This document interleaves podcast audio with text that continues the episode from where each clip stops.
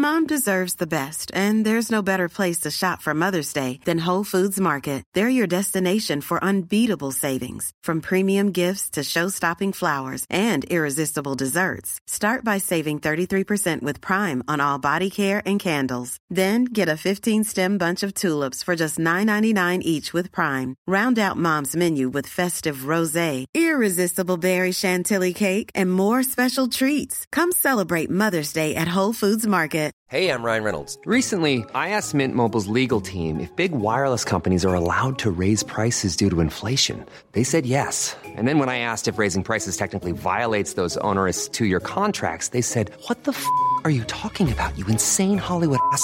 So to recap, we're cutting the price of Mint Unlimited from $30 a month to just $15 a month. Give it a try at mintmobile.com slash switch. $45 upfront for three months plus taxes and fees. Promo rate for new customers for limited time. Unlimited more than 40 gigabytes per month. Slows. Full terms at mintmobile.com. Everyone knows therapy is great for solving problems, but getting therapy has its own problems too, like finding the right therapist, fitting into their schedule, and of course, the cost. Well, BetterHelp can solve those problems. It's totally online and built around your schedule. It's surprisingly affordable too. Connect with a credentialed therapist by phone, video, or online chat, all from the comfort of your home. Visit betterhelp.com to learn more and save 10% on your first month. That's BetterHelp, H E L P. Ett år med inflation, höjda räntor och lågkonjunktur. Ja, 2023 kanske inte fått våra plånböcker att jubla, så låt oss ringa ut detta år och blicka framåt mot 2024 här i Smarta Cash. Podden som peppar till en bättre ekonomi och rikare framtid med mig, Isabella Amadi.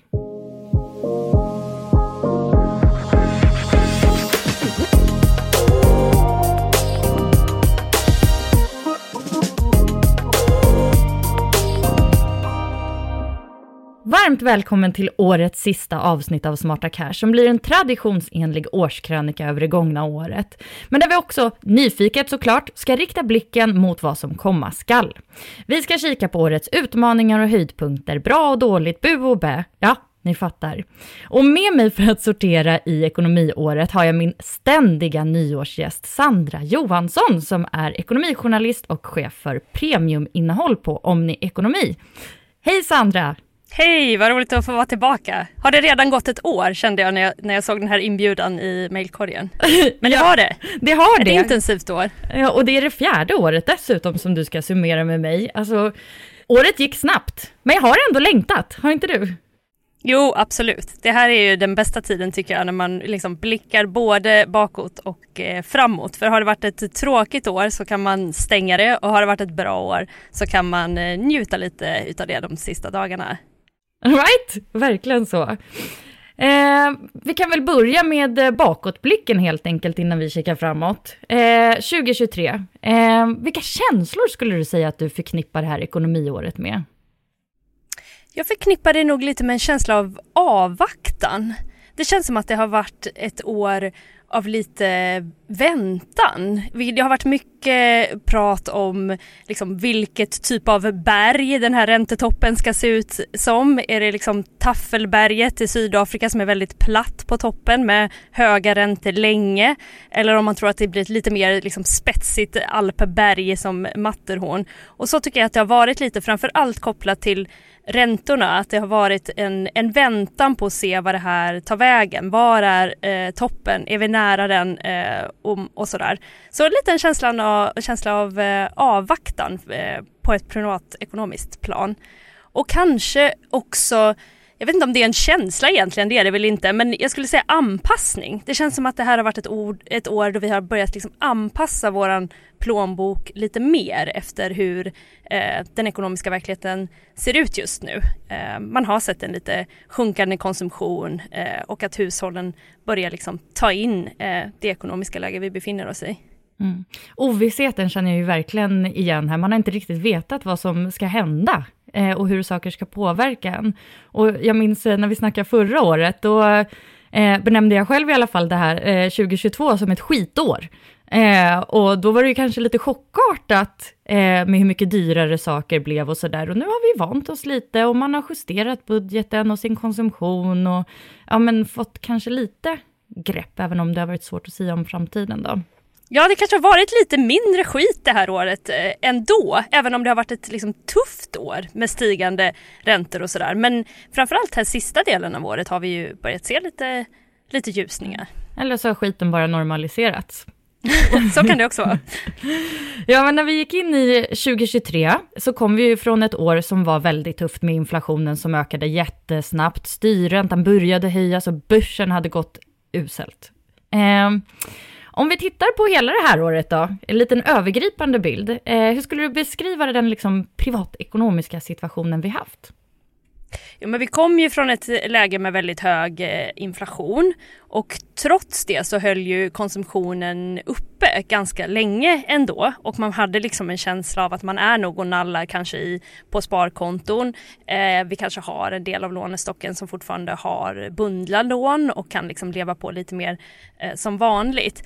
Och den situationen vi haft 2023 tycker jag ändå är lite det här skiftet mot att nu har liksom räntehöjningarna från Riksbanken slagit igenom ordentligt. Eh, man ser att konsumtionen faktiskt bromsar in. Det syns inte minst nu i, i julhandeln och att det finns liksom en beteendeförändring. Så det tycker jag är ett skifte. Och sen har vi ju hela tiden pratat om den liksom fantastiska arbetsmarknaden som har stått emot och stått emot och stått emot.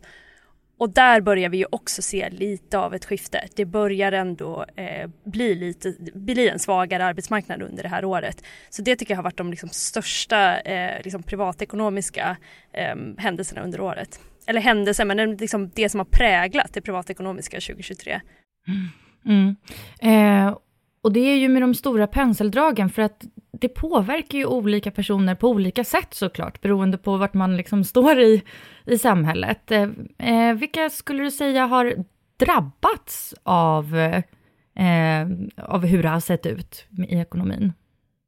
Alltså tuffast är det ju alltid för de som har minst marginaler eller av olika anledningar har kanske svårt att eh, påverka både sin inkomst och sin, eh, sina utgifter. Alltså lägger du redan en ganska stor del på exempelvis ditt boende och mat så är det ju svårare för dig. Du kan ju inte dra in på restaurangbesök du aldrig gick på så att säga.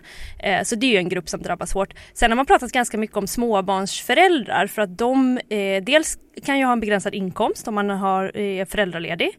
Och dels också att man kanske har köpt eh, ett nytt boende för att få lite mer plats till sig själv och barnen. Eh, och det är ju också en sån grupp, de som har liksom tagit sig in på bostadsmarknaden eller skalat upp sina lån här ganska nyligen. De kanske inte har hunnit amortera så mycket och kanske köpte in sig när, eller ökade sina lån när räntorna fortfarande var väldigt låga. Eh, och då, har ju också liksom, då var ju också bostadspriserna därefter. Och sen har det liksom blivit tufft när det har gått eh, fort. Så att eh, de som är nya på arbetsmarknaden eller på bostadsmarknaden, småbarnsföräldrar och eh, såklart de med små marginaler. Mm. Finns det några grupper som har haft ett eh, bra ekonomiår? Alltså jag tror ändå att det har varit i alla fall, jag tror att vi sa det lite om 2022 också, att alla har nog ändå lite suttit i samma båt. Initialt så pratade man kanske lite om liksom en revansch för hyresgästerna som ju har då efter liksom de här åren där det har varit väldigt billigt att äga, att det skulle vara liksom lite en, en comeback för de som har valt hyresalternativet istället. Eller valt och valt, kanske har lyckats få tag i en hyresrätt kan det också vara lite beroende på vilken stad man bor i. Men eh, samtidigt så ser vi att värdarna trycker på ganska hårt för rejäla eh, hyreshöjningar. De får ju inte igenom allt de vill såklart men, men jag tror ändå att det är liksom hårt att säga att, att det har varit något jättestrålande ekonomiår för dem heller faktiskt. Mm. Om vi försöker hitta lite highlights då, eh, vilka positiva saker för våra plånböcker har skett i år? Jag tycker ändå det har skett mycket positiva saker. Framförallt här i slutet av året så har vi ju faktiskt sett att inflationen har lugnat ner sig. Nu är den ju nere på den lägsta nivån på två år och det är ju eh, väldigt positivt. En Sen trevlig julklapp. Verkligen en trevlig julklapp. Mm. Det, är ju, det är ju bra eh, för den enskilde och för ekonomin i, i stort att inflationen lugnar sig. Sen ska man ju kanske komma ihåg från ett privatekonomiskt perspektiv att det betyder ju inte nödvändigtvis att priserna sjunker tyvärr. Eh, utan bara att de slutar öka. Men, men det är ju förstås väldigt positivt. Och eh, också att vi har ju en, en bedömning nu. Nu flaggade ju för sig eh, riksbankschefen Erik Thedéen här för att det kunde bli en höjning till. Han sa 50-50 lite slarvigt och backade för det och sen sa han kanske 40-60 då. Så det finns ju en till liksom, höjning som man åt, åtminstone liksom viftar med. Men eh, det är tydligt tycker jag att vi är åtminstone, om inte på räntetoppen så nära räntetoppen. Det är ändå analytikerkårens liksom samlade bedömning och det tror jag att det är väldigt många hushåll som eh, glädjer sig över. Eh, kanske, just, kanske lite extra just nu när man har lagt mycket pengar på julklappar och mat. Mm. Du personligen då, eh, eller som ekonomijournalist, vilka ekonomihändelser kommer du minnas särskilt från i år? Bankturbulensen i början av året måste jag säga. Den fick ju inte så jättestora effekter här i Sverige men det var ju ändå något eh, oerhört när vi såg att eh, den finansiella situationen i en regional bank i USA, Silicon Valley Bank, började liksom ge svallvågor eh, och inte bara i USA utan sen såg vi till slut hur eh, UBS köpte upp Credit Suisse i en liksom, historisk eh, bankaffär och det tror jag också var en sån jättenyhet som kanske går lite gemene man förbi. Men det var en sån här flashback liksom till, jag ska inte säga till finanskrisen för det fick inte de effekterna, men det var liksom en påminnelse om hur tätt sammanvävt det liksom globala banksystemet är och vilka krafter som liksom sätts i gungning när någonting inte riktigt är som det ska, även i relativt små banker. Så det tyckte jag var en jätte, jättespännande händelse. Och sen måste jag väl kanske också säga Riksbanken här i november ändå, när man pausade efter åtta raka höjningar. Eh, det var väl kanske inte hela Sverige, men det var väl liksom i alla fall kanske ekonomi i Sverige, sån här liksom Ingmar Stenmark ögonblick när alla sitter och liksom bara väntar på att få se vad som eh, ska hända. Det, det var ju liksom eh, en vändning och väldigt spännande. Men också kanske till viss del eh, skulle jag nog ändå nämna eh, attacken i, i Israel, Hamas attack i Israel i oktober. Det var ju en händelse som inte har fått jättestora ekonomiska effekter. Eh, fruktansvärda eh, humanitära konsekvenser på bägge sidorna men inte så jättestora ekonomiska effekter. Men jag tyckte ändå att det var en väldigt spännande händelse för att, eller spännande ska jag inte säga men jag tyckte att det var en väldigt liksom intressant eh, händelse ur det perspektivet att här fick vi liksom en till sån där lite faktor X som vi har haft så många gånger den senaste tiden. Att helt plötsligt får vi en global pandemi, helt plötsligt får vi ett krig i Ukraina. Det finns ju så, såklart en massa experter som skulle säga att det blev inte helt plötsligt krig i Ukraina och det blev inte helt plötsligt eh, krig mellan Hamas och Israel heller.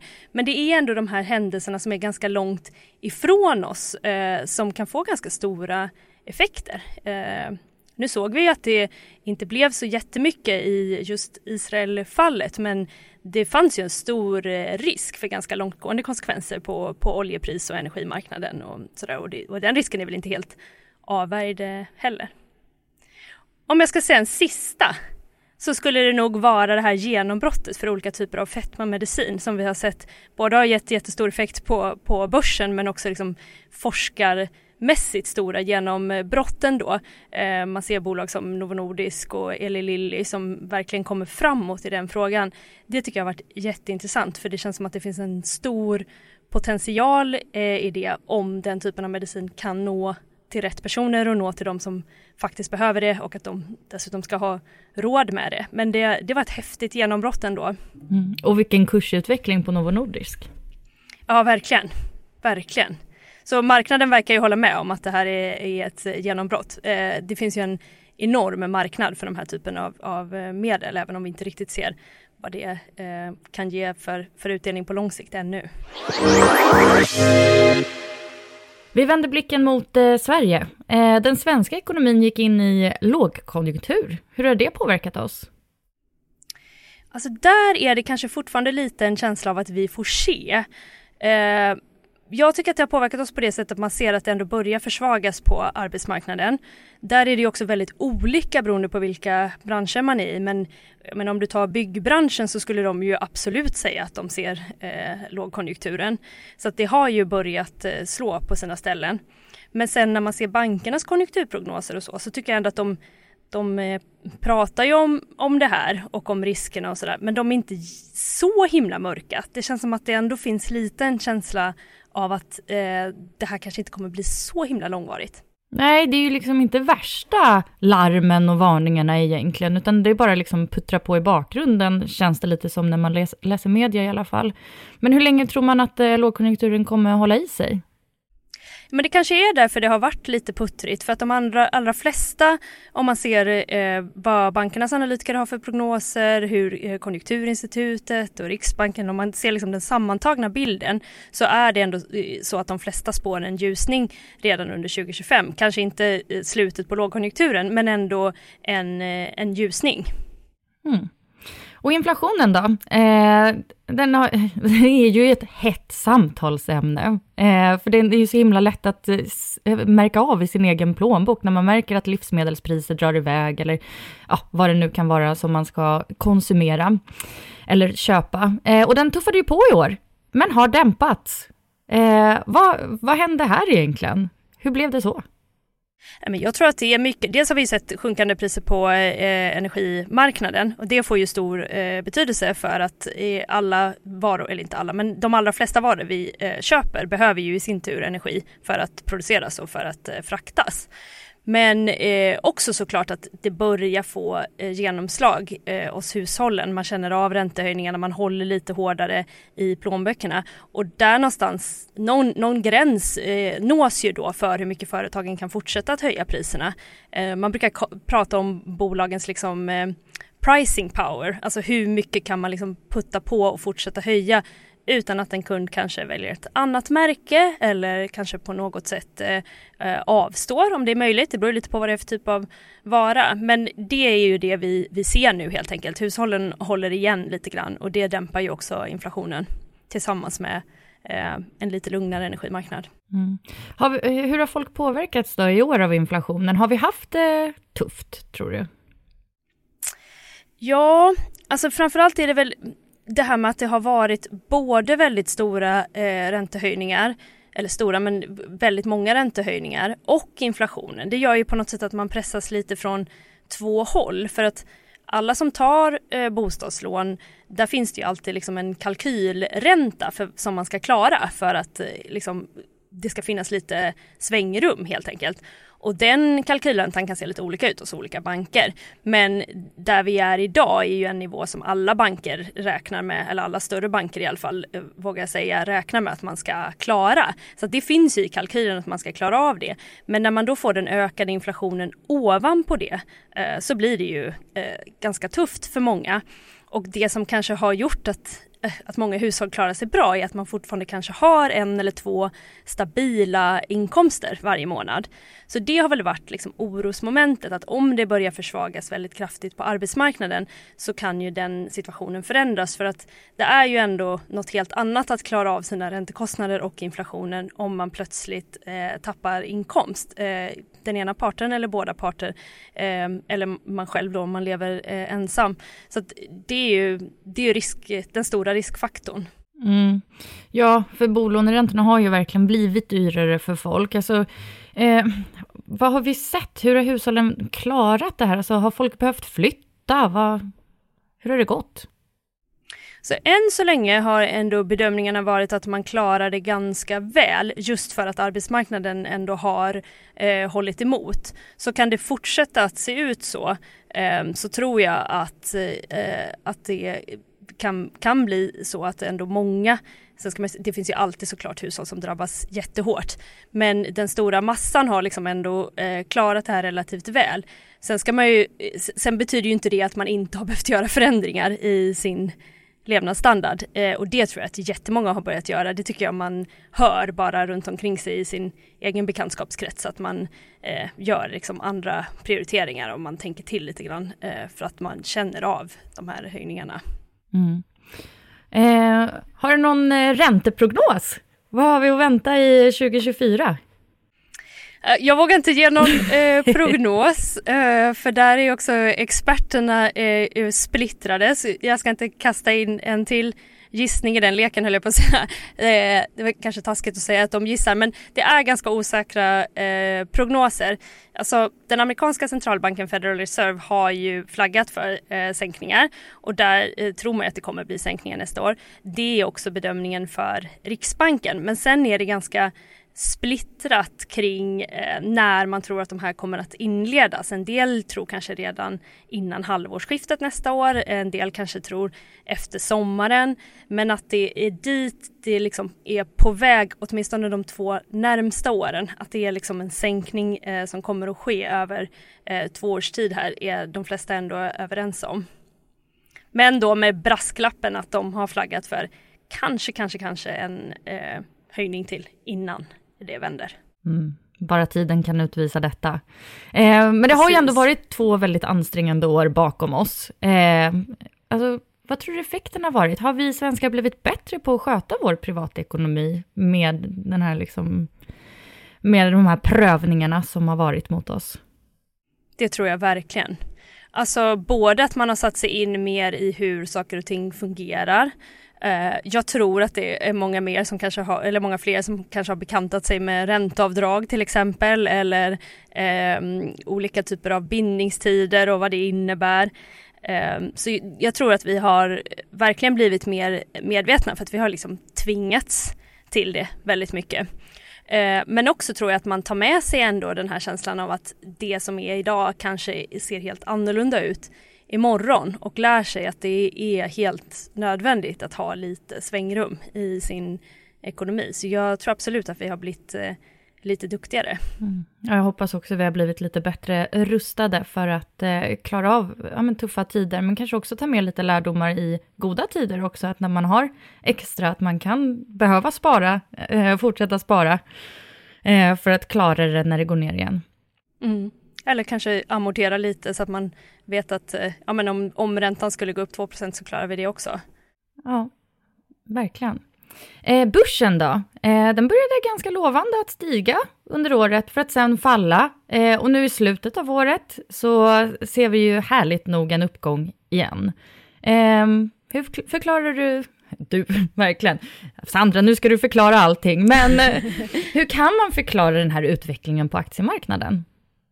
Ja, det har ju varit ett ganska spännande år. Jag, jag, såg att det var någon som sa att om du hade frågat tio marknadsaktörer vid en valfri tid under året så hade du fått tio olika svar. Jag tror att det var Joakim Bornold som sa det vid något tillfälle. Det har varit ett så ganska spretigt år. Men det vi ser nu är ju framförallt en ökad eh, riskaptit och det är ju väldigt kopplat till eh, den globala konjunkturen och att man ser att eh, centralbanken i USA har liksom vänt eh, och man tror ju nu då att ehm, att det, är, ser, eller det ser ut som att det är möjligt att liksom tämja den här inflationen utan att knäcka eh, ekonomin. Man tror ju att det här kommer bli vad man kallar för liksom en mjuk landning och man har ju redan eh, sett en del av det eh, under året. Eh, så att det finns liksom en optimism kring att räntorna har pikat och kring att eh, ekonomin kan att man har liksom tagit i lagom med de här eh, räntehöjningarna. Så det, det är ganska mycket av det vi ser omsatt till en eh, global riskaptit just nu. Mm. Vet vi något om hur eh, vi småsparare har agerat under börsåret? Alltså det har varit ett litet hårt år för småspararna tycker jag, just, just baserat på det här kanske att, att liksom tio, tio aktörer har tio olika eh, bud vid, vid varje givet tillfälle. Det har nog inte varit så lätt att navigera. Och vi har också sett att en del eh, så här, riktiga småspararfavoriter har ju haft ganska tuffa år som Nibe, SBB inte minst. Oj, oj, oj. Ja. Em, ja, verkligen. Och liksom Embracer, SAS, Volvo Cars, alltså typiska sådana här eh, liksom småspararfavoriter har haft det ganska tufft. När de gick ner mycket i våras var det ändå ganska många av de här eh, nätmäklarna eller nätbankerna som sa att men de folk fortsätter att netto köpa ändå ganska länge. Så det finns, det finns väl en risk kanske att vissa stannade lite för länge och nu under den senaste rapportsäsongen här så, så var småspararna lite mer avvaktande och gjorde inte riktigt lika många köp och sådär och det kanske var lite färgat av att man kanske har eh, bränt sig lite. Eh, men nu å andra sidan, precis som du sa, nu ser vi ju ganska breda eh, uppgångar och de här nedgångarna i småsparfavoriterna har ju heller inte absolut gällt eh, alla. Men kanske ett lite, lite spretigt, lite svårnavigerat år för, för småspararna skulle jag säga. Mm. Eh, och hur spås eh, 2024 bli då? Blir det ett bra börsår? Alltså det, det är ju alltid den där liksom uppåt, neråt eller åt sidan. Det ska man aldrig svara på för man kommer alltid få fel. Exakt. Men om man ska säga någonting om det så kan man väl i alla fall säga att börsen ligger ju alltid lite före. Så om man bara ser till den faktorn, som givetvis inte är den enda faktorn, så kan man ju tänka sig att börsen börjar liksom få, få känsla för liksom en, eh, en vändning. Det ser vi ju lite redan i USA men kanske även här i, i Sverige. Börsen kanske blickar liksom 6-12 månader framåt och när man börjar se liksom ljuset i den eh, tunneln så brukar det vara positivt för eh, aktier. Men sen tror jag samtidigt att det kommer fortsätta vara ett ganska makropräglat år. Det är ändå makro som har styrt väldigt mycket och så kommer det förmodligen bli även nästa år. Det ligger absolut i korten i alla fall. Mm. Och om vi eh, breddar eh, framåtblickandet ännu mer, alltså, om, vad har vi att vänta av 2024 sett till privatekonomin i stort? Vad kommer påverka oss? Men det är väl framförallt vad som händer med eh, ränteläget ehm, och eh, inflationen. De är ju så tätt sammanlänkade. Ehm, sen arbetsmarknaden tycker jag är en viktig faktor ändå. Ehm, man skulle ju vilja se att den inte att den håller emot och inte blir eh, värre. Och för liksom det privatekonomiska, för det är ju oftast då de här som kanske idag ändå klara sig eh, börjar få liksom, eh, större eh, problem och det börjar bli liksom riktigt eh, svettigt. Sen får man väl slänga in en sån där faktor X då. Alltså nu har vi ju haft covid, vi har haft Ukraina, eh, nu har vi Israel, Hamas. Vad, vad blir nästa års liksom, faktor X? Det har jag inget svar på men det känns nästan som att vi, vi får räkna med att någonting som vi inte ser idag kommer ske även nästa år. Mm. Det Ta höjd kom... för det i alla fall, privatekonomiskt. Ja, ja. Något oväntat händer alltid. Eh, för hade det Precis. varit väntat hade vi kunnat planera för det redan nu. Mm. Ja. ja, men tack så jättemycket Sandra för att du var med återigen eh, och pratade om det gångna året och nästkommande år här i Smarta Cash. Tack så jättemycket för att jag fick vara med. Det var lika roligt som alltid. Och gott nytt år till ja. alla lyssnare. Gott nytt år till alla Smarta Cash-lyssnare. Eh, tack för ett fantastiskt år. Eh, det har varit eh, riktigt roligt att prata pengar i podden. Eh, och eh, ja, vi hörs väl igen nästa år helt enkelt. Hej då och gott nytt år!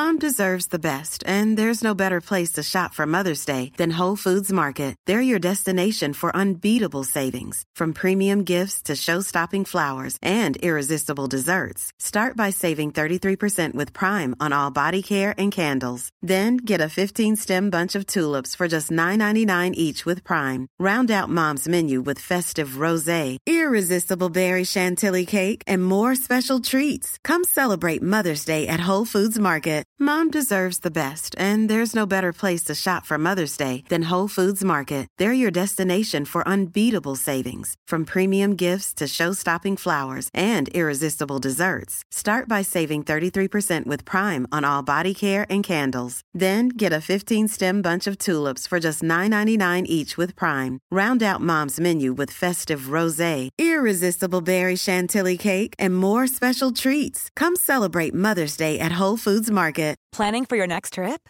Elevate your travel style with Quince. Quince has all the jet setting essentials you'll want for your next getaway, like European linen, premium luggage options, buttery soft Italian leather bags, and so much more. And is all priced at 50 to 80% less than similar brands. Plus, Quince only works with factories that use safe and ethical manufacturing practices. Pack your bags with high-quality essentials you'll be wearing for vacations to come with Quince. Go to quince.com slash pack for free shipping and 365-day returns.